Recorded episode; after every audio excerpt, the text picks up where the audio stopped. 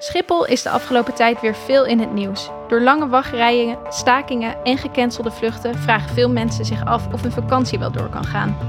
Maar op de achtergrond speelt een nog veel groter vraagstuk. Hoe kan het dat de luchtvaart nog steeds groeit, terwijl de aarde steeds sneller opwarmt? Onderzoeksjournalist Ties Joosten schreef er een boek over, De Blauwe Fabel. In dit boek duikt hij in de geschiedenis van KLM en beschrijft hij hoe het mogelijk is dat de KLM, mede door overheidssteun, onze nationale trots is geworden. Hij zit vandaag bij ons aan tafel om het samen met Bas te hebben over fossiele subsidies voor de luchtvaart en hoe we daar weer vanaf komen.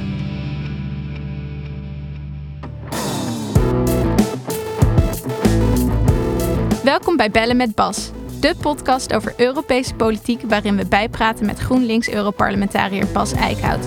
Mijn naam is Mijke Vedder.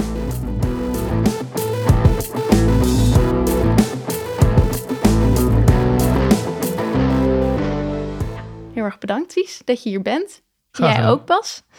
het is een ehm, beetje bellen met Bas en Ties dus vandaag. Ja, ja we maken er een, uh, een uitbreiding van. Um, en Ties, ik wou jij eerst vragen waar jouw fascinatie eigenlijk met de luchtvaart vandaan komt. Oh, um, nou, ik uh, heb eigenlijk uh, stiekem niet zo'n fascinatie voor de luchtvaart. Tenminste, niet voordat ik met dit boek begon. Ik ben klimaatjournalist voor Follow the Money. En uh, dat betekent dat ik uh, ja, geldsporen volg die het klimaatprobleem verergeren of die het klimaatprobleem of die de oplossing vertragen. Um, en nou, dus ik ben meerdere sectoren op die manier afgegaan. Ik heb gekeken naar de landbouw, pardon, naar de Rotterdamse haven, um, de energietransitie, uh, nou ja, ook naar de aanleg van windmolens, uh, van alles. Biomassa heb ik naar gekeken. Um, en toen was ik op een gegeven moment ook met de luchtvaart bezig. Dus dat was meer de volgende op mijn lijstje, min of meer. Mm. En um, toen ik daarmee bezig was en ik daar een serie artikelen al over had geschreven en het een beetje begon te begrijpen, nou, toen kwam corona, stortte die hele industrie in. En uh, was er ook meteen ja, staatssteun gegarandeerd. En uh, dat was eigenlijk, uh, toen zat ik thuis op de bank, toen dacht ik, ja wacht even, ik ben waarschijnlijk een van de weinige journalisten in Nederland nu die die jaarrekening van Schiphol en de KLM en het, en, en het hart van het bedrijfsmodel nu al zo ongeveer uit zijn hoofd kent. Um, dus laat ik, er, laat ik er dan maar wat meer mee doen. Um, maar dat is dus eigenlijk ja, de, de, de, fascinatie. Ja, de fascinatie komt vanuit de klimaathoek. Maar, uh, maar ja, dus, dus was toen ik eraan begon nooit de bedoeling om er een, nee heel, zo lang mee bezig te blijven. Nee, een beetje uit de hand gelopen eigenlijk. Ja. En uh, Bas, ook als het gaat over die, die fascinatie bij jou, die komt denk ik ook meer uit de klimaathoek. Uh, Om dat weer even op een rijtje te zetten, wat is nou, uh, als we naar het klimaatprobleem kijken, hoe groot is de luchtvaart daar een onderdeel van?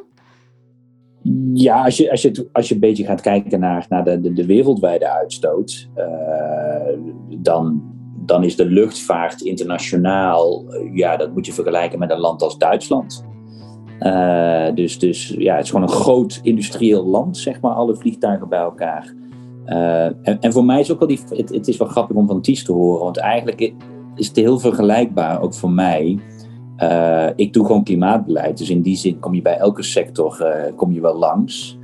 Maar de luchtvaart is wel een, een vak apart gewoon. De, de, de, de, de lobby uh, dit, het, het schermen met nationale trots. En dat doet niet alleen KLM, dat is ook Air France, dat is Lufthansa. Dat is allemaal heel erg uh, inspelen op dat sentiment van, van, dus van ons.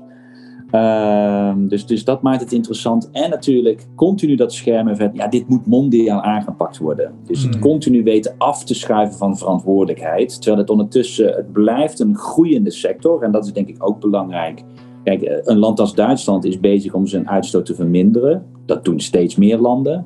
En, en ja, luchtvaart blijft maar groeien. En, en ja, continu dus de lobby die het heeft over dat ze allemaal naar een verduurzaming kijken. Terwijl wat je ziet wat er gaat gebeuren, het is groei, groei, groei. Uh, en, en proberen eigenlijk niet serieus beleid aan de broek te krijgen. Dus ja, als je in klimaatbeleid gaat vastbijten, dan komt die fascinatie voor luchtvaart komt wel vanzelf. Je moet er echt in gaan vastbijten om daar wat voor elkaar te krijgen. Dat is ook wel een beetje mijn ervaring. Ja, um, ik wou eigenlijk eerst vooral even terugblikken, omdat Ties dat ook in zijn boek doet, naar hoe dat nou zo heeft kunnen gebeuren, waarom de luchtvaart nu zo'n positie heeft en door kan blijven groeien. Um, je hebt het in je boek onder andere ook over kolonialisme en hoe dat vervlochten is met hoe KLM tot stand is gekomen. Kan je daar iets meer over vertellen? Eh, ja, dat kan ik. um, ja, kijk, uh, dat is best wel stevig vervlochten, ja. Um, uh, ik zal een korte samenvatting proberen te geven. De KLM is, is, is opgericht met als expliciete doel om een zo snel mogelijke verbinding met de koloniën tot stand te brengen. Dan met name uh, Nederlands-Indië in die tijd. Uh, dat was voor Nederland was dat een, een, ja, een wapen in de strijd om weer mee te gaan doen met wereldmachten zoals Frankrijk en Groot-Brittannië. En um, daar heeft de KLM ook vrij snel aan voldaan aan die opdracht. Ik bedoel, we, waren in een, in, een, paar jaar na de oprichting van de KLM vlogen ze al naar, naar Indië. Um, en omdat dat zo'n belangrijke opdracht was, was dat ook altijd de rationale vanuit de Nederlandse overheid om uh, ja, de KLM van, van steun te voorzien. Dat ging met name via de PTT, die, die, die kocht uh, heel erg veel uh, ruimte in, ja, vrachtruimte in, in de vliegtuigen van de KLM. Waardoor de KLM daar heel veel aan verdiende. En de luchtlijn met Indië was dus ook decennia lang eigenlijk de enige lijn waarop de KLM überhaupt geld verdiende. Op alle andere lijnen van de KLM verloren ze geld. Nou, dat, dat, nou, dat gaat zo tot, uh, ja, zeg maar tot 49. Als die, de, de Nederlands-Indië wel een beetje genoeg heeft van de, van, van de aanwezigheid van die Hollanders. En we naar de politionele acties, gewoon de onafhankelijkheidsoorlog, dat Nederland eruit gedonderd wordt. En ja, dan zie je eigenlijk dat politiek Den Haag en Nederland als geheel ja, er is, eh, eh, een soort sentiment heerst van ja, verlorenheid eigenlijk. Uh, ja, Indië verloren, rampspoed geboren was de gevleugelde uitspraak, uitspraak in die tijd. Het idee dat Nederland zonder kolonie niets had om trots op te zijn, om eigen waarde aan te ontlenen. En vanaf dat moment zie je dat, uh, dat er op andere plekken gezocht wordt, een ander vehikel gezocht wordt om dan dus maar trots op te zijn. En dan gaat de KLM die positie innemen in de economie. Dus ze zijn dan niet meer, zeg maar, uh, in de samenleving om een snelle lijn met de kolonie te zijn. Ze worden dan ja, de nationale trots, een, een, een, een, een bedrijf zelf om trots op te zijn en, en ons statuur aan te ontlenen. Um, dus je ziet dan dat op het moment dat de kolonie wegvalt, dat, dat, dat razendsnel wordt overgenomen die, ja, dat, dat als vehikel van de nationale trots zijn, dat de KLM dat met name moet doen. Um, dus ja, dat is denk ik de link met het kolonialisme. Ja, ja nou, ik vond het interessant omdat dat ook ongeveer gelijk loopt met na de Tweede Wereldoorlog, dat dan ook die internationale uh, luchtvaartorganisaties worden opgericht. Mm -hmm. um, uh, die volgens mij nog steeds eigenlijk een hele grote rol spelen uh, in ons beleid. Um, zie jij ook nou ja, die geschiedenis van KLM en die, die nationale trots ook uh, bij andere landen terug rond diezelfde tijd? Is dat, is dat net zo'n uh, geschiedenis? Um, nou, het zijn natuurlijk uh, hele grote nuanceverschillen. Ja. om bijvoorbeeld de Duitsers als voorbeeld te nemen, die zijn. daar komt de luchtvaartindustrie vrij traag op gang, omdat ze na de Eerste Wereldoorlog verboden wordt om een luchtvaartindustrie op gang te trekken, omdat heel veel vluchten waarmee ze die, die, die gebouwd zijn als, passagiersvluchten, die bleken uiteindelijk uh, gebruikt te worden als bommenwerpers. Um, dus uh, ja, alle landen kennen hun nuanceverschil. Maar uh, ja, je ziet zeker dat ja, overal die luchtvaartbedrijven ook vrij nauw komen samen te hangen met nationale trots en een nationale identiteit. Het is echt een, een voortvloeisel van een ja, bijna 19e eeuws nationalisme zou ik willen zeggen. Daarom vind ik die rol van Europa ook zo interessant, omdat Europa daar um, ooit meer oog voor leek te hebben dan tegenwoordig. Ze wilden ooit volgens mij ook gewoon vanuit een soort het afbreken van de nationale belangen, eh, zeg maar de Europese luchtvaart meer gelijk te trekken. En er zijn eigenlijk een beetje halverwege blijven hangen, dat die nationale trotssentimenten nog steeds heel erg leven. Um, uh, en dat Europa dat ja, ook een beetje lijkt soms alsof, alsof het die poging om dat, om dat, om dat nationalisme uh, uh, eruit te trekken. Waardoor het een soort vreemd ja, een soort, soort vreemd nationalistisch ja, onderdeeltje van de economie blijft. Ja, want je beschrijft in je boek wel dat op een gegeven moment die Europese luchtvaart ook wel dat daar liberalisering optreedt. Ja. Uh, Bas, wat, wat is jouw indruk daarvan? Is het nog steeds eigenlijk een lappendeken van allemaal nationale belangen ook in de luchtvaart? Of uh, ja, is het echt een Europese markt? Nou, kijk, wat Ties zegt klopt wel. Hè? Um, um, Europa um, heeft echt wel moeite om, om die, die, die nationale belangen te doorbreken. Uh, bijvoorbeeld, uh, een heel simpel iets. Europa heeft op een gegeven moment, en dat is nog steeds een project dat loopt, hè, we willen een Single European Sky uh, maken. Ja. Wat eigenlijk gewoon betekent dat, dat, dat, dat er meer een Europees controle komt over het luchtruim. Nu is dat allemaal nog nationaal. Wat natuurlijk niet leidt tot optimale vluchtbewegingen. Hè. Die, die worden allemaal door nationale autoriteiten ingeboekt. En nou ja, dat, dat, dat leidt echt soms tot, tot onnodige vluchtbewegingen. Dus eigenlijk de meest simpele stap die je zou kunnen zeggen is: we gaan daar een Europese sky van maken. Dan, dan hebben we dat uh, geregeld. Dat is nog steeds niet gelukt. Dus zelfs zoiets simpels, terwijl iedereen toch weet, de lucht is misschien wel handig om dat als Europa te coördineren, is nog steeds niet gebeurd. Omdat de landen toch daar, daar zelf gezag over willen hebben. En daar zit ook weer achter toch ook weer de angst en de koppeling van, ja, dan, wij willen graag zelf die controle houden. Hè? En dan, nou ja, wat je in Nederland hebt, het, het huwelijk tussen Schiphol en KLM, dat zie je, hè, Lufthansa met Frankfurt en München, je ziet dat gewoon overal. Uh, nou, dan is er ook nog een complexiteit met uh, Gibraltar aangekoppeld. Een strijd tussen Spanje en Groot-Brittannië, dat je al helemaal niet wil weten. En dat zorgt er gewoon voor dat zoiets simpels al niet lukt Europees. Nou, dan komt het klimaatbeleid om de hoek kijken. En via klimaatbeleid heeft Europa nog een poging gedaan om in ieder geval uh, ja, Europees beleid te voeren op, op de luchtvaartindustrie. Uh, maar ook dat, ja, dat, dat is eigenlijk, uh, dat heeft heel veel verzet opgeroepen. En, en dat heeft er eigenlijk toe geleid dat nu ook Europa zegt van ja, dat moeten we maar mondiaal doen. En dat gaan we niet meer als Europa doen. Ja, en dan krijg je dat, dat nu ook Europa namens en samen met de lidstaten naar die wereldorganisatie, die zit in Montreal, ICAO, uh, zijn we nu eigenlijk, is Europa met de hoofdsteden samen aan het lobbyen. En, en heeft iets wel gelijk dat onze poging om er echt Europees beleid van te maken, is het nu meer zo dat Europa naast de hoofdsteden staat en een beetje de gezelde strijd voert. Dus ja. dus ja, we zijn echt nog niet geslaagd om hier echt een Europese markt van te maken. Weet je wat ik daar ook een goed voorbeeld van vind, Bas? Ik, um, het, het sneeuwt nu een beetje onder, omdat, omdat de luchtvaart door de coronacrisis en, en, en bedoel, gedonder in Oekraïne is weer een beetje uit beeld geraakt. Maar uh, een aantal, misschien is het nu een jaar, anderhalf jaar geleden, toen uh, kaapte ineens uh, de Wit-Russische, de Wit-Russen die kaapten dat Ryanair-vliegtuig. Weet je dat nog? Ja, ja. Mm, nou, dat is dus een Ryanair-vliegtuig dat door de Wit-Russische, hoe, hoe, heet die knakker ook alweer, die, die, die premier daar? Die, die Lukashenko. Lukashenko. Um, uh, die, uh, nou, die haalt een, vlucht, een vliegtuig van Ryanair uit de lucht omdat er een of andere uh, ja, politieke tegenstander aan boord zit. Dat zou in Amerika ondenkbaar zijn dat, dat, dat een of andere Cubaan of zo, een Cubaanse of weet ik van ergens anders, aan de rand van Amerika, een van de land, ze zeggen we halen hier een vliegtuig van Delta uit de lucht omdat er een politieke tegenstander in zit. Dat was, is daar ondenkbaar. En hier is het alleen maar denkbaar omdat we dat niet Europees regelen.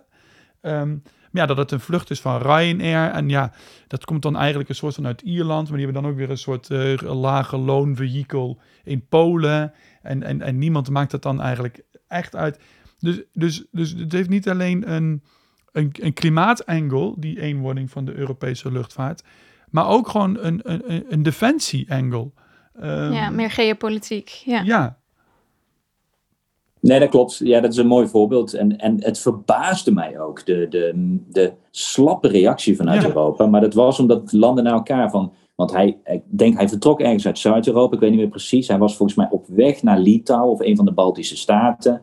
Dus wie moest nu optreden? Ierland of inderdaad waar dan ook Ryanair zit? Of moest dat dan het land waar het naartoe was of waar het vandaan kwam? En we zaten een beetje naar elkaar te kijken en iedereen uiteindelijk kwam niet heel veel verder dan te zeggen dat ze geschokt waren. En that was it. Ondertussen was de oppositieleider al van het vliegtuig afgehaald. Ja, precies. Het was gewoon, uh, ja, dat was echt een, uh, ja, echt, echt een daad van agressie van fucking Wit-Rusland. Ja. Weet je wel? Dat is, ja, ik, ik zat er toen echt naar te verbazen. Dat, ik, ik vond het toen ook opvallend dat er zo weinig, ja, dat, ja, dat, het is een soort van 19e eeuws nationalisme vanuit een soort gevoel van dan tellen we ook op defensiegebied mee, maar daar echt strategisch over nadenken gebeurt dan ook weer niet. Hm. Nou goed. Maar nog even terug, als je naar het klimaatgebied kijkt, wat zou het dan precies opleveren als, als er dus wel meer Europees samengewerkt wordt, in plaats van dat het dan nu nog via die uh, wereldwijde luchtvaartorganisatie moet? Nou ja, kijk, in ja, was het dus waarschijnlijk beter dan ik nog. Maar ja, weet je, hoe, hoe groot... Hoe, kijk, het zou natuurlijk... Uiteindelijk, zeg maar, als je in een ideale samenleving die je gewoon zo, zo effectief mogelijk klimaatbeleid voert, dan zeg je gewoon, we plakken gewoon een hoge prijs op CO2-uitstoot en dan de rest zoekt de samenleving het eigenlijk maar uit. Zeg maar, dan doen we gewoon, uh, en dat doen we dan internationaal. Dus iedereen doet mee. Maar ja, dat lukt dan weer niet, want Poetin wil niet meedoen. En dan, dan, dan krijg je, dus je krijgt iedere keer een soort verwatering van het voorgestelde beleid. En ja, dat zie je dus ook bij, um, bij ICAO het voorstel wat daar op tafel legt is een stuk zwakker dan uh, uh, de, de ETS-betalingen uh, die we vragen van, eh, voor binnen Europese vluchten. Ja, ja jij, Bos, jij bent er al een tijdje mee bezig, toch ook om die vluchten dus ja, binnen het ETS-systeem ook te krijgen in Europa. Ja. Ja, dus het is ons wel gelukt een paar jaar geleden om eindelijk die luchtvaart te laten betalen en, en het dus te laten vallen onder dat emissiehandelssysteem. Waarin je dus eigenlijk gewoon hè, een plafond van, van emissierechten dat steeds naar beneden gaat. Dus er zijn steeds minder rechten te verdelen. Uh, en, en, en daarin gaat de luchtvaart concurreren met de hele Europese industrie voor die rechten. En nou ja, moet je dus, als het schaarser wordt, zal, zal het steeds duurder worden om die, uh, om die rechten op te kopen.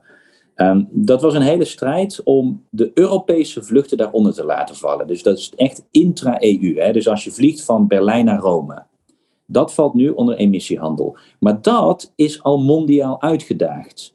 Omdat namelijk zelfs Lufthansa, die zei toen van nee, maar, maar dat is een internationale vlucht. En internationale vluchten vallen onder de verantwoordelijkheid van die wereldorganisatie, ICAO. Dus, dus zelfs de luchtvaartmaatschappijen zelf probeerden zelfs de intra-EU-vluchten alsnog onder dat mondiale systeem te laten vallen. Nou, dan, dan kun je al wel op je vingers natellen dat het mondiale systeem minder streng is, anders zou een Lufthansa dit niet nastreven.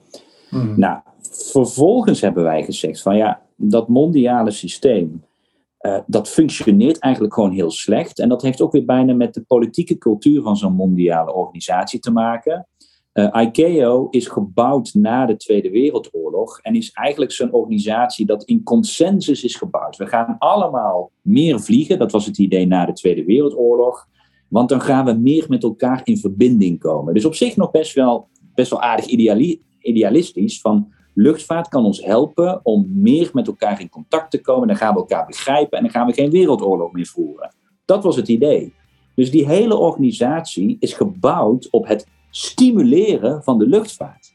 Dus het is een politieke VN-organisatie, maar het doel is eigenlijk het stimuleren van luchtvaart.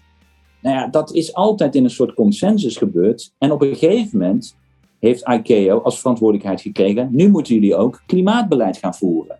Ja, dat is natuurlijk ineens een totaal andere insteek. Dan is het ineens niet meer consensus. Dan wordt het ineens politiek. Ja, en daar is die organisatie niet op ingericht. Iedereen is daar gewend totdat de laatste speler meedoet. Dus die consensus zorgt er gewoon voor dat de, ja, de, de, de, degene die het minste wil, die bepaalt het tempo. Ja, toen hebben wij gezegd, sorry, maar daar moeten we niet op gaan wachten. Oftewel, alles wat naar Europa vliegt en van Europa wegvliegt, moet ook onder het Europese emissiehandelssysteem vallen. En ja, sindsdien zitten we in een soort mondiale loopgravenoorlog, waarin we uh, nou ja, bijna handelssancties van China aan onze broek werden gedreigd. Uh, er ligt zelfs toen een motie van de Amerikaanse Senaat die zei: dit, dit Europa mag nooit onze Delta Air, uh, Airlines gaan reguleren. Dus, en die, die motie van de Senaat is volgens mij aangenomen met 99 voor en 1 tegen. Om maar even aan te hm. geven dat hier zat niet echt heel veel polarisatie tussen de Democraten of de Republikeinen. Nee. Um, en, en Europa is daarvan teruggeschrokken. Dus nu hebben wij het systeem dat wij intra-EU onder emissiehandel laten vallen. En dat alles wat ook maar daarnaast valt, dat valt onder het mondiale systeem.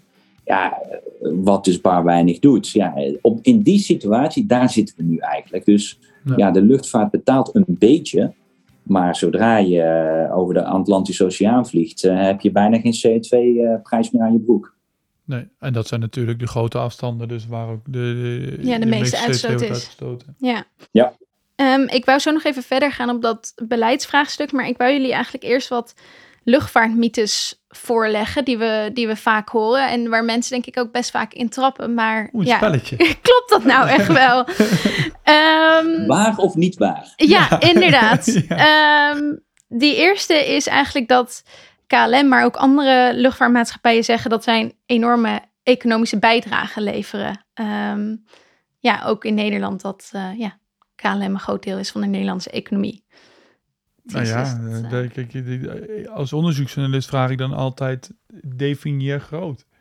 Kijk, kijk, KLM is natuurlijk absoluut wel groot, hè? Ik bedoel, dat is gewoon zo. Um, het is volgens mij nu, ze waren de grootste private werkgever van, uh, van Nederland. Dus sinds de coronacrisis een paar duizend mensen hebben moeten laten gaan, zijn ze nu volgens mij de, op, op twee na of op drie na grootste werkgever van Nederland zelf. Ja, dat is een grote werkgever. Dus er werken veel mensen. Um, dus dan, is, ja, dan, dan ben je een economische speler van belang. Um, wat alleen telkens gebeurt de, in de luchtvaart, is dat dat belang vervolgens enorm verder wordt opgeklopt. Dus, dat je, dus dan werken er niet meer, nou zeggen we nu 25.000 man, of 22.500 man bij de KLM ongeveer. Um, maar worden allemaal kringen omheen getrokken. Van, en dit moet je er eigenlijk ook bij tellen. Ook alle, nou, alle toeleveranciers, dat is in de meeste economische modellen nog wel gebruikelijk. Maar die kring wordt alsmaar groter getrokken. Wordt op een gegeven moment, in sommige studies wordt gezegd, alle salarissen die piloten in de samenleving uitgeven, die moet je ook als het economische prestatie van de KLM of van de luchtvaart zien. En alle salarissen die de accountant van het schoonmaakbedrijf op Schiphol uitgeeft aan de kinderopvang, moet je rekenen tot de economische prestatie van Schiphol uh, en, en de KLM. En zo zie je dus dat dat, dus, dus ja, wat er gemeten wordt, wordt enorm, opge, wordt enorm opgerekt. Ik heb zelf op een gegeven moment de conclusie getrokken dat je op een gegeven moment, ja, zelfs de prostituees op de wallen in Amsterdam zouden hun werk te danken hebben aan de KLM, omdat er anders geen toeristen zouden komen naar de prostituees op de wallen. En ja, dat is natuurlijk, iedereen voelt dat dat volslagen kwats is. Dus, dus ja, dat soort beweringen zijn, zijn uh, kwats en dat, daar kun je makkelijk gaten in schieten. Wat weer niet wil zeggen dat de KLM volstrekt onbelangrijk is. Um, dat was namelijk wel makkelijk geweest, want dan was de transitie ook een stukje makkelijker geweest. Ja, dat gaat dan ook inderdaad vooral over banen. Uh, maar als we ja, jij beschrijft ook in je boek dat gewoon er al meerdere keren eigenlijk KLM aan de rand van de afgrond heeft gestaan en toen steeds gered moest worden uh, door de overheid. Dus ook in dat opzicht is het niet een bedrijf wat zichzelf. Uh... Nee, nee dat, dat, ken, dat kennelijke enorme economische belang uh, vertaalt zich niet in een enorme financiële weerbaarheid. Dat nee. kun je in ieder geval wel concluderen. Bas, is dit, dit ook iets wat jij veel in Brussel hoort? Jawel, jawel. Kijk, ze, ze, vaak, er wordt met heel veel studies geschermd over het belang van de luchtvaart. Uh, in iets algemenere termen. Uh, en ik moet zeggen, inderdaad, de, de, de, studies die ik voor Schiphol of, of KLM heb gezien, die, die, die zijn altijd wel fascinerend om, om te zien daarin. Maar meer het algemene punt, het belang van de luchtvaart voor de, uh, voor de economie, ja, dat, dat, is, dat wordt continu benadrukt. En ja, dat wordt echt wel opgeblazen. Dat is absoluut ook mijn ervaring. En als we dan kijken naar uh, vergroening en hoe de luchtvaart duurzamer kan worden. KLM zegt zelf dat zij juist meer moeten gaan vliegen om, om dus genoeg te kunnen investeren in die vergroening. Uh, slaat dat ergens op of is dat ook eigenlijk onzin? Nee, ik denk dat ik daar wel met behoorlijk wat uh, cynisme naar kijk, naar dat soort uitspraken. Om, om, om verschillende oorzaken, om verschillende redenen. Um, bijvoorbeeld uh, het feit dat we, mede door de liberalisering van het Europese luchtruim, te maken hebben met een hypercompetitieve markt. Daar wordt, daar wordt heel weinig aan gedaan op dit moment. Uh, sterker nog, bewegingen zijn eerder richting nog meer competitie dan naar minder. En uh, bijvoorbeeld door het toelaten van, van, van luchtvaartmaatschappijen uit de golfstaten. En um, dat betekent, omdat het een behoorlijk generiek product is, de meeste mensen maken het eigenlijk niet zo heel veel uit of ze nou in een vliegtuig van Lufthansa of naar de KLM zitten op weg naar een vakantiebestemming. Dat betekent dat iedere euro winst gaat zitten in goedkopere tickets aanbieden. Die gaat helemaal niet zitten in zo snel mogelijk nog meer onderzoek aanjagen naar elektrische vliegtuigen. daar is maar heel beperkt geld voor vanuit die luchtvaartmaatschappijen zelf. Dus het idee dat, dat als je meer gaat vliegen, dat er dan dus ook heel veel meer geld overblijft om, dan maar, om dat dan maar naar duurzaamheid uit te geven. Dat is al op lucht gebaseerd. Ja. maar, leuk, um, leuk.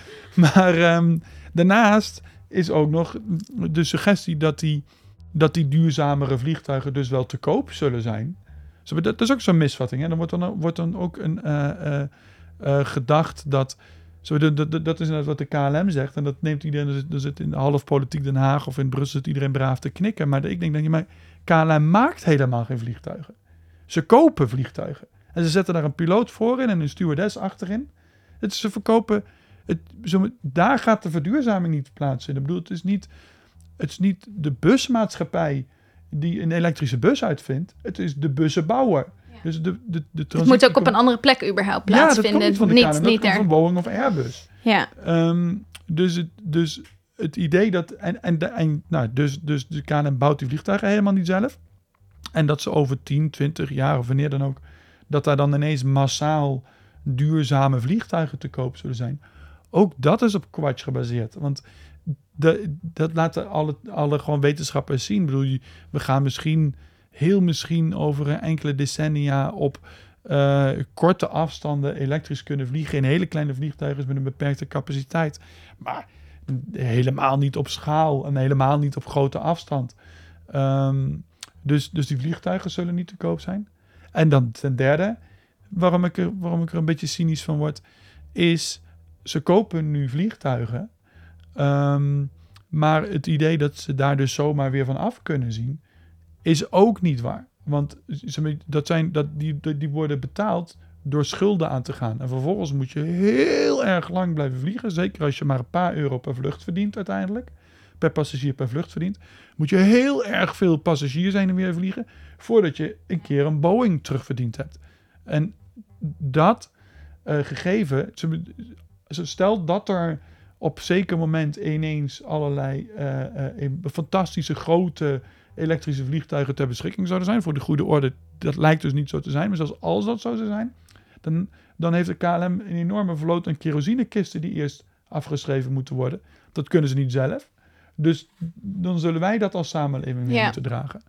Dus, ja, je nou doet ook nog eens een investering, iets wat, wat je eigenlijk op een korte termijn niet af kunt gaan betalen en dus nog langer mee door zal Nee, ze hebben nu net nieuwe kerosinekisten gekocht. Ja. En die gaan, die gaan echt, eh, voordat die zichzelf op terugverdienen, zijn we 20, 25 jaar verder, minimaal. Ja, Bas, dat innovatieargument, uh, dat hoor ik ook inderdaad wel vaker, dat inderdaad de luchtvaart zou kunnen vergroenen door uh, duurzame brandstoffen in te gaan zetten en elektrisch te gaan vliegen. Is, zie jij daar nog iets in of is dat nou ja, gaat dat überhaupt te laat komen? Is het duur? Nee, ja, kijk, uiteindelijk zal ook dat moeten gebeuren. Alleen de grote vraag is hoe, hoe groot is de focus daarop? Uh, in, in, in de Europese scene en in ook mondiaal, uh, als we het over, over maatregelen hebben, dan hebben ze het altijd over a basket of measures die hm. genomen moet worden. Hè? Dus een, een mandje met maatregelen. Uh, en daarin zit beprijzing en allerlei efficiëntere motoren en dergelijke. En duurzame brandstoffen. En als je dan gaat kijken waar worden de luchtvaartmaatschappijen het meest enthousiast van, dan is dat eigenlijk vooral de duurzame brandstoffen. En daar zijn ze vooral mee bezig. Uh, onze wetgeving, ook hier weer mondiale wetgeving op efficiëntere motoren, uh, de normen die daar gesteld zijn, waren de normen waar Airbus en Boeing eigenlijk gewoon al op weg naartoe waren. Dus, dus die normen versnellen niets. Dat is gewoon eigenlijk de, de planning van Boeing en Airbus wordt gewoon de wet, zeg maar. Dus in mijn hele simpele wereld stel je normen om innovatie aan te jagen. Wat wij nu doen, is we stellen normen die gewoon puur de ontwikkeling bevestigen, die er al gaande is. Ja, dat, dan, dan, dan hoef je ook die normen bijna niet te zetten. Ehm, dus, dus die efficiëntere motoren, nou wordt niet door beleid aangejaagd. Die beprijzingsdiscussie, nou daar hebben we dus een nogal niets nutterig mondiaal systeem voor. En Europa heeft daar dan wel emissiehandel voor, maar dat wordt meteen bestreden. Uh, en het enige waar je echt enthousiasme ziet, is de groene en duurzame brandstoffen. En nou ja, tot en met natuurlijk de koddige uh, acties van KLM dat ze een vliegtuig op frietvet laten vliegen naar Amerika en terug. Ja, dat, is een leuke stunt, maar werkelijk waar, als we alle vliegtuigen daarop moeten laten vliegen, dan uh, mogen nog heel wat gaan eten, bij wijze van spreken. Dus dat, dat, dat functioneert nog totaal niet. En, en die, die onevenwichtige aandacht daarvoor is uh, uitermate storend, op zijn zachtst gezegd. Ja, ja kijk, het is natuurlijk wel ook het is ook wel een van de weinige routes die de luchtvaart uh, zelf, die zo'n luchtvaartmaatschappij een beetje zelf nog kan behandelen. Want dat kunnen ze inderdaad nog gewoon kopen ergens. Maar als het ingezet wordt als, als een soort strategie om uh, de krimpdiscussie uit de weg te gaan, dan wordt het storend. Kijk, het is natuurlijk prima dat de KLM een, een, een, eh, een mandje frituurvet in de, in de tank leegt en daarmee wil vliegen. Maar ja, dat, mag niet een argument zijn om, om dan maar door, dus maar door te gaan op een groeipad. Want daar is gewoon echt van zo lang zal ze leven niet genoeg frituurvet in de wereld om de hele luchtvaart uh, te verduurzamen. Los dat er ook nog wel een paar andere spelers, uh, industrieën in de samenleving zijn, die ook wel aanspraak willen maken op het beperkt beschikbare hoeveelheid biobrandstof. Ik bedoel, uh, het zware wegtransport heeft ook nog niet per se een hele duidelijke elektronische oplossing. Om maar wat te noemen. Um, dus we zijn het, ja, luchtvaart, de luchtvaart rekent ook daar nog best wel zichzelf een beetje rijk, volgens mij. Ja, is dat pas wel iets wat nog uh, Europees gestimuleerd moet worden? Of vind jij dat dat gewoon überhaupt geen taak voor de politiek is? Oh, jawel. Ik, ik vind het prima om daar. En dat, maar dat, wordt ook, dat gebeurt ook. Dus ook hier weer ja. onderschat niet hoeveel bijvoorbeeld nu al van die opbrengsten dus wij laten nu voor CO2 betalen. En in het beleid is er dan meteen een discussie. Moet er dan niet een specifiek fonds gemaakt worden van die rechten? Want dat is dan gewoon geld. En laten we dan een deel van dat geld terugsluizen voor innovatie. En dan is de innovatie, en dat, hè, wat die zegt, wat, wat zo'n luchtvaartmaatschappij direct van kan profiteren, is innovatie in de brandstoffen. Dus dat gebeurt al. En daar ben ik het op zich ook prima mee eens. Alleen dat zou niet het enige moeten zijn. Dat is continu het punt. En je merkt eigenlijk dat voor heel veel luchtvaartmaatschappijen zou dat een beetje de enige actie moeten zijn. En de rest is complex en moet mondiaal. Ja, waarschijnlijk als we een hele strenge mondiale deal hebben, zouden ze zeggen: dit moeten we extraterrestrieel gaan op. ja, uh... ja, dus er moet gewoon nog veel meer gebeuren, inderdaad. En het is te makkelijk om te zeggen dat we het daarmee op kunnen lossen. Ja, het, Moet, het, moet duidelijk zijn dat krimp onderdeel van het plan is. Dat kan niet anders. En, dat, en ook, en, en, en kijk, kijk, krimp heeft vaak een negatieve connotatie, maar kijk nu gewoon eens even. Je moet, je moet ook echt met een blik vanuit de wereld naar Europa gaan kijken. Dat wij hele grote hubs hebben in Frankfurt, Amsterdam en Parijs, is eigenlijk absurd. Hmm. Waarom hebben wij van drie van dat soort grote hubs, waartussen je eigenlijk prima met de trein in een hele snelle verbinding kan bewegen? Dus je moet die drie hubs, als je die al wil behouden, zouden die drie hubs eigenlijk veel meer moeten samenwerken. Daarmee kun je de wereld bedienen en de rest kun je veel meer in Europa met de trein doen. Dan, dat is krimp qua luchtvaartbeweging, maar is niet krimp qua, qua mogelijkheden om, om te vervoeren. Alleen wat we zien is dat die drie hubs elkaar beconcurreren. Ja, precies. Waardoor dus uit Frankfurt er drie vluchten naar New York gaan, vanuit Amsterdam en vanuit Parijs. Ik wil, jongens, dat, uh, zal ik je nog sterker vertellen?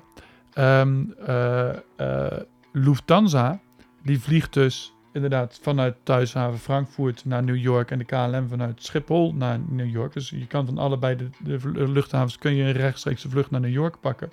Maar de KLM biedt vanaf Frankfurt een indirecte vlucht aan naar New York via Amsterdam tegen een absolute bodemprijs. Dan zitten ze helemaal aan de onderkant van de markt. Frankfurt doet op Schiphol hetzelfde. Maar dan met, of, uh, Lufthansa doet via, op Schiphol hetzelfde. Met een overstap op Frankfurt. Waardoor, en dat is alleen maar om van elkaar marktaandeel af te pakken. Er komt geen reiziger naar New York bij.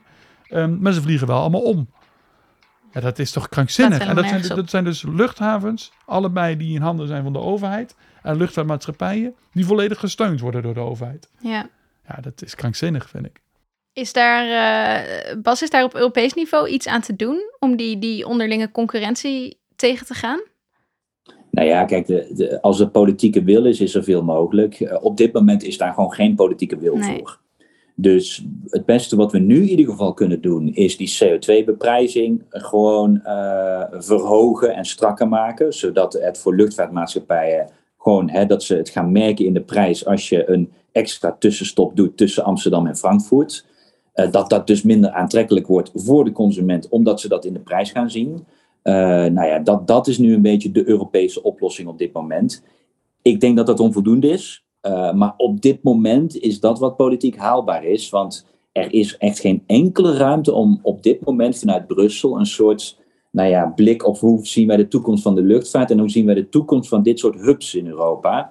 Ja, het is volgens mij wel een discussie die we moeten gaan hebben. Maar qua politieke acties ben ik al blij op dit moment als we beprijzing serieus kunnen gaan regelen. Dat, dat is helaas wel ook de realiteit waar we nu politiek in zitten. Ja, dus dat ligt nog uh, in de toekomst helaas. Maar dat betekent dan toch dat de luchtvaart daar toch nog steeds een uitzonderingspositie heeft. Want bij andere industrieën hebben dat, lijkt het daar toch wel iets meer bereidheid te hebben, toch? Ja, maar tegelijkertijd, kijk, ik denk dat we dan ook eerlijk moeten zijn dat we ook nog als Europa onvoldoende in staat zijn om de alternatieven te regelen. Ook hier bijvoorbeeld bij treinen zie je natuurlijk ook nog een heel erg nationaal systeem. Uh, de, hoe, wij, hoe wij de treinen hebben georganiseerd. Daar is gelukkig nu wel steeds meer landen die expliciet nadenken over we hebben grensoverschrijdende verbindingen nodig. Maar dat is eigenlijk vrij recent. En, en tot die tijd, ja, als wij niet hele geloofwaardige alternatieven hebben, ja, dan, dan kun je het bijna, in ieder geval de consument moeilijk kwalijk nemen, dat hij dan maar gaat vliegen. Dus, dus daarmee Ja. zie je dat op transportgebied Europa echt nog heel veel stappen moet zetten om daar één markt van te maken. Ja. Ik had nog één uh, mythe die ik jullie voor wilde leggen. Uh, vliegen is slecht voor het klimaat, maar je kunt het achteraf compenseren. Dat is natuurlijk iets wat heel veel luchtvaartmaatschappijen aanbieden. Dat je als je je ticket koopt 5 euro of iets betaalt om ja, de uitstoot te compenseren. Ja. Doet dat iets en ja, moeten we dat juist supporten of uh, eigenlijk niet? Nou, laat ik daar nou eens voor de verandering een genuanceerd antwoord op geven. ja, ik ben benieuwd. Ties, Ties wat doe je nu? ja, um, nee, kijk, het is natuurlijk altijd beter om wel een boom te planten dan om geen boom te planten. De, Want dat is waar veel van, van die ja, projecten meestal is dan mee bezig zijn. we gaan ergens bomen planten of we gaan efficiënte overtjes uitdelen in Afrika. Dat gebeurt Hm. ook nog wel eens. Oké, Um, maar bomen planten is, is toch wel de meest, meest voorkomende vorm. En op zich is bomen planten ergens in de wereld uh, niet vaak een, best een goed idee. Um, bedoel, los daarvan, als die markt aangaat, nu is die markt nog relatief klein, maar als die markt groot wordt, zul je daar ook misstanden gaan zien, omdat ze dan massaal veel snel groeiende bomen neerzetten op gebieden die dat eigenlijk niet zo goed kunnen hebben. Daar hebben we ook bij Follow the een journalist, uh, hadden we een journalist die daar nu onderzoek naar doet. Um, maar um, zeg maar, grosso modo, een boom planten is beter dan geen boom planten. Alleen, het is, natuurlijk, het is natuurlijk volstrekt helder dat je een papieren werkelijkheid creëert. Dat, dat je zegt, en, en dat komt door mijn vlucht. Ja, dat heeft natuurlijk op zichzelf al vrij weinig met elkaar te maken. Ik bedoel, die, die, die vlucht is heel ergens anders. Die, je geeft gewoon geld uit om ook ergens een boom te planten. En je zegt tegen jezelf, dat is omdat ik vlieg. Maar ja, ja dat kun je ook. Kan ook om andere redenen zeggen, ik heb een boom geplant. Maar goed. Dus laat zo zeggen, wel een boom planten is beter dan geen boom planten. Maar zeg maar, A, de getallen die daar aangehangen worden, die worden nog wel eens overdreven. Dus, dus, dus dan wordt, je ziet bij heel veel van die compensatieprogramma's dat ze bijvoorbeeld een heel beperkte deel nemen van, de, van het klimaateffect van vliegen en zeggen dat compenseren we, uh, waardoor de compensatiekosten heel laag zijn. Maar ja, de werkelijke uitstoot van vliegen en de opwarmende effect vliegen is veel groter. Um, dus daar, daar, daar zie je al wel dat het, dat het een beetje moeilijk is. Um, en daarnaast heb je ook nog wel issues met het uh, garanderen van die vastleggen van die CO2. Dus kijk, als jij een boom plant omdat jij een vlucht hebt gemaakt, ja, je wil dus dat, dan moet die boom net zo lang blijven staan totdat we de klimaatcrisis hebben opgelost. Want als die boom afbrandt of omgehakt wordt. En, Ja, er zijn ook veel risico's die daaraan hangen. ja, ik bedoel, dan, dan, dan, dan komt de CO2 weer de lucht in. En dat moet niet. Maar ja, dat moet dus, hoe lang duurt het nog, hoe lang, zeg maar, dat, dus het klimaatprobleem moeten we nog duizenden jaren onder de knie houden. Dus het is heel moeilijk om, die, om daarvoor garanties af te geven. En ja, wie- zegt dat er niet over twintig jaar een of andere Bolsonaro komt in, eh, eh, in, in Panama, die alsnog dat stukje bos wat jij hebt aangeplant om je vluchten te compenseren, toch weer confiskeert en er... eh, en, en, en de akkers van maakt en de boel afbrandt. Dat, dat is heel moeilijk om daar überhaupt een garantie voor af te geven.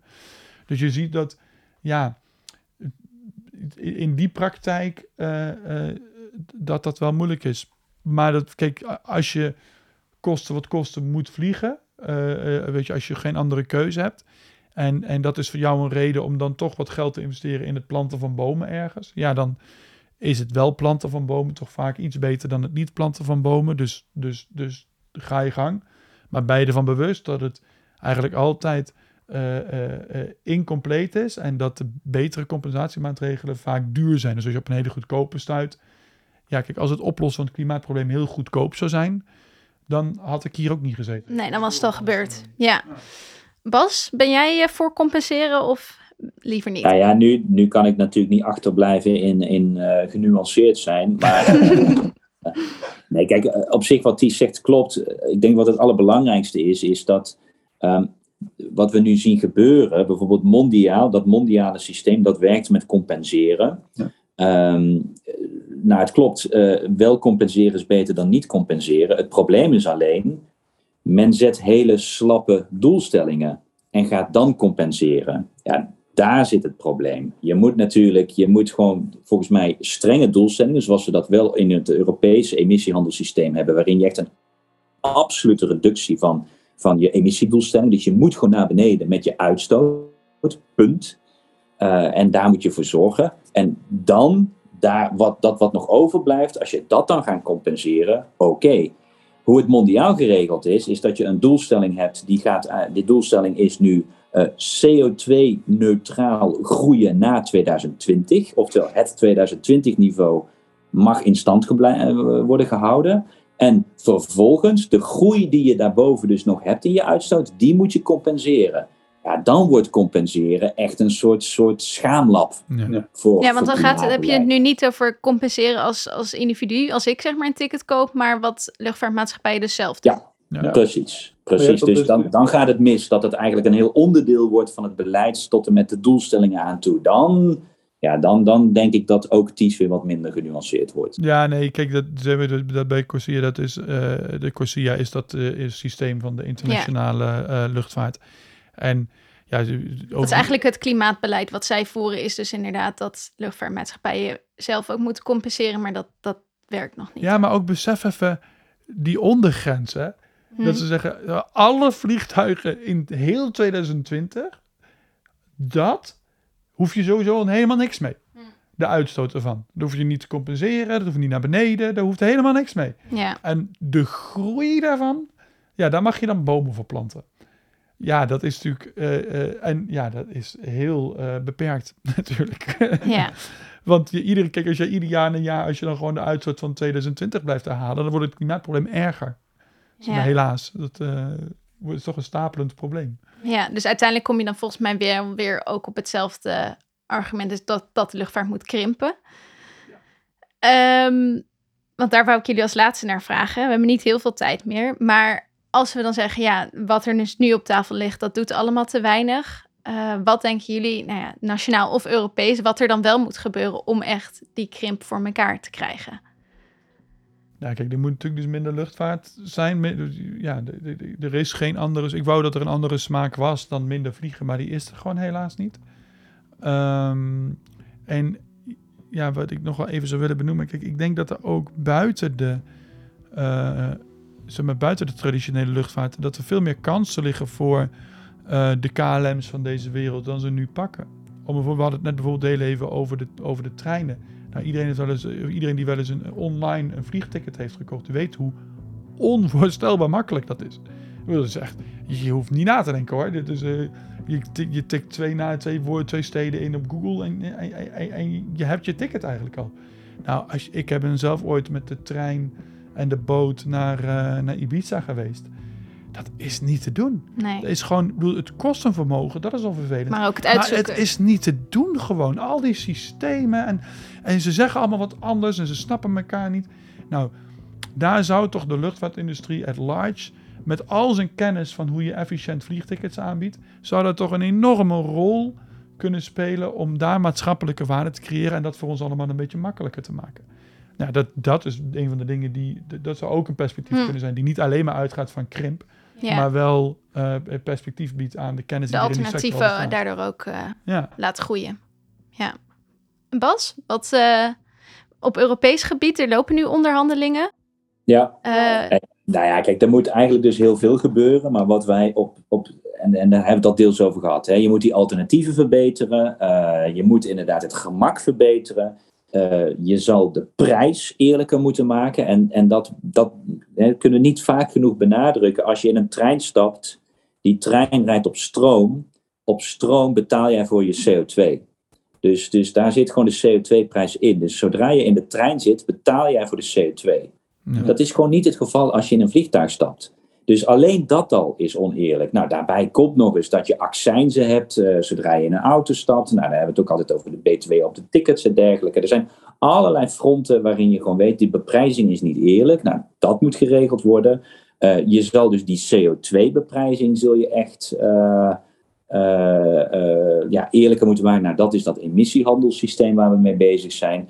En ook hier geldt weer, binnen dat hè, ik, ik, ik vertelde net hoe mooi dat in elkaar zit, maar even de kleine lettertjes, binnen de EU wordt op dit moment nog 80% van die rechten die dus de vliegtuigmaatschappijen zouden moeten betalen voor een intra-EU-vlucht, 80% krijgen ze nu nog gratis. Ja. Dus dan hebben ze rechten, dan moeten ze daar en dan krijgen ze die weer. Eh, terwijl eh, gratis rechten was het idee, dat doen we voor bedrijven die last hebben van in- internationale concurrentie. Nou, bij mij heeft nog niemand echt kunnen uitleggen waar de concurrentie zit als jij gewoon van, van Madrid naar Amsterdam vliegt. Want elke vliegtuigmaatschappij die dat doet, moet diezelfde, moet diezelfde CO2 betalen. Dus daar zit geen concurrentie. Toch zitten daar nu nog steeds heel veel gratis rechten in. Nou ja, dat laat zien dat er op heel veel fronten echt nog wat eh, verbeterd moet worden. Dat zijn we nu aan het uitonderhandelen op emissiehandel. Nou, dan is de volgende strijd, hoe gaan we internationale vluchten, hè, dus buiten de EU. Eh, dan gaat het ook nog over die, die energietax, waar we het, hè, de kerosinetax. Die moeten we ook nog organiseren. En eigenlijk wat heel belangrijk wordt, de opbrengsten daarvan moeten we ook veel meer voor die alternatieven gaan maken. Want daar waar de alternatieven kunnen zijn, moeten we echt wel zorgen dat dat goedkoper en gemakkelijker wordt voor de consument, hè, wat die zou zijn. Nou, in die zin hebben we helaas nog wel een eh, flinke beleidsopdracht voordat eh, waarschijnlijk de, de, het wensbeeld van Ties en mij in de praktijk is gebracht. Yes. Maar er, er zijn ideeën in ieder geval. En mogelijkheden. Ja, maar nu nog politieke meerderheden bevechten. Ja, dat gaan we in het najaar eh, meemaken. Toch? Oh ja, heel goed. Dan, ja, dan heb ik weer iets om te zeggen van we gaan het daar volgende keer eh, over hebben. Dat eh, doen we dan inderdaad. In het najaar praten we hierover verder. Voor nu eh, heel erg bedankt Ties. Graag gedaan. En eh, Bas, ik spreek jou snel weer. Ja, dankjewel en eh, fijn dat je erbij was, Steve. Dankjewel. Geen punt. Tot later. Tot later. Doei. Doei doeg. Dit was Bellen met Bas, een podcast van GroenLinks Europa en de Groenen in het Europees Parlement. We horen graag van je. Laat je reactie achter op vriendvandeshow.nl slash bellen met Bas en meld je aan voor onze Europa-update op europa.groenlinks.nl. De audiovormgeving is door Studio Cloak. Tot een volgende keer!